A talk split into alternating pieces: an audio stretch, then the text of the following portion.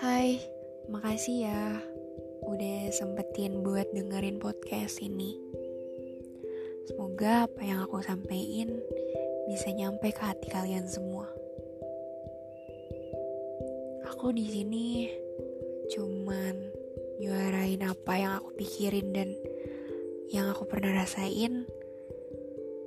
Jadi enjoy ya. Semoga kalian suka. Makasih.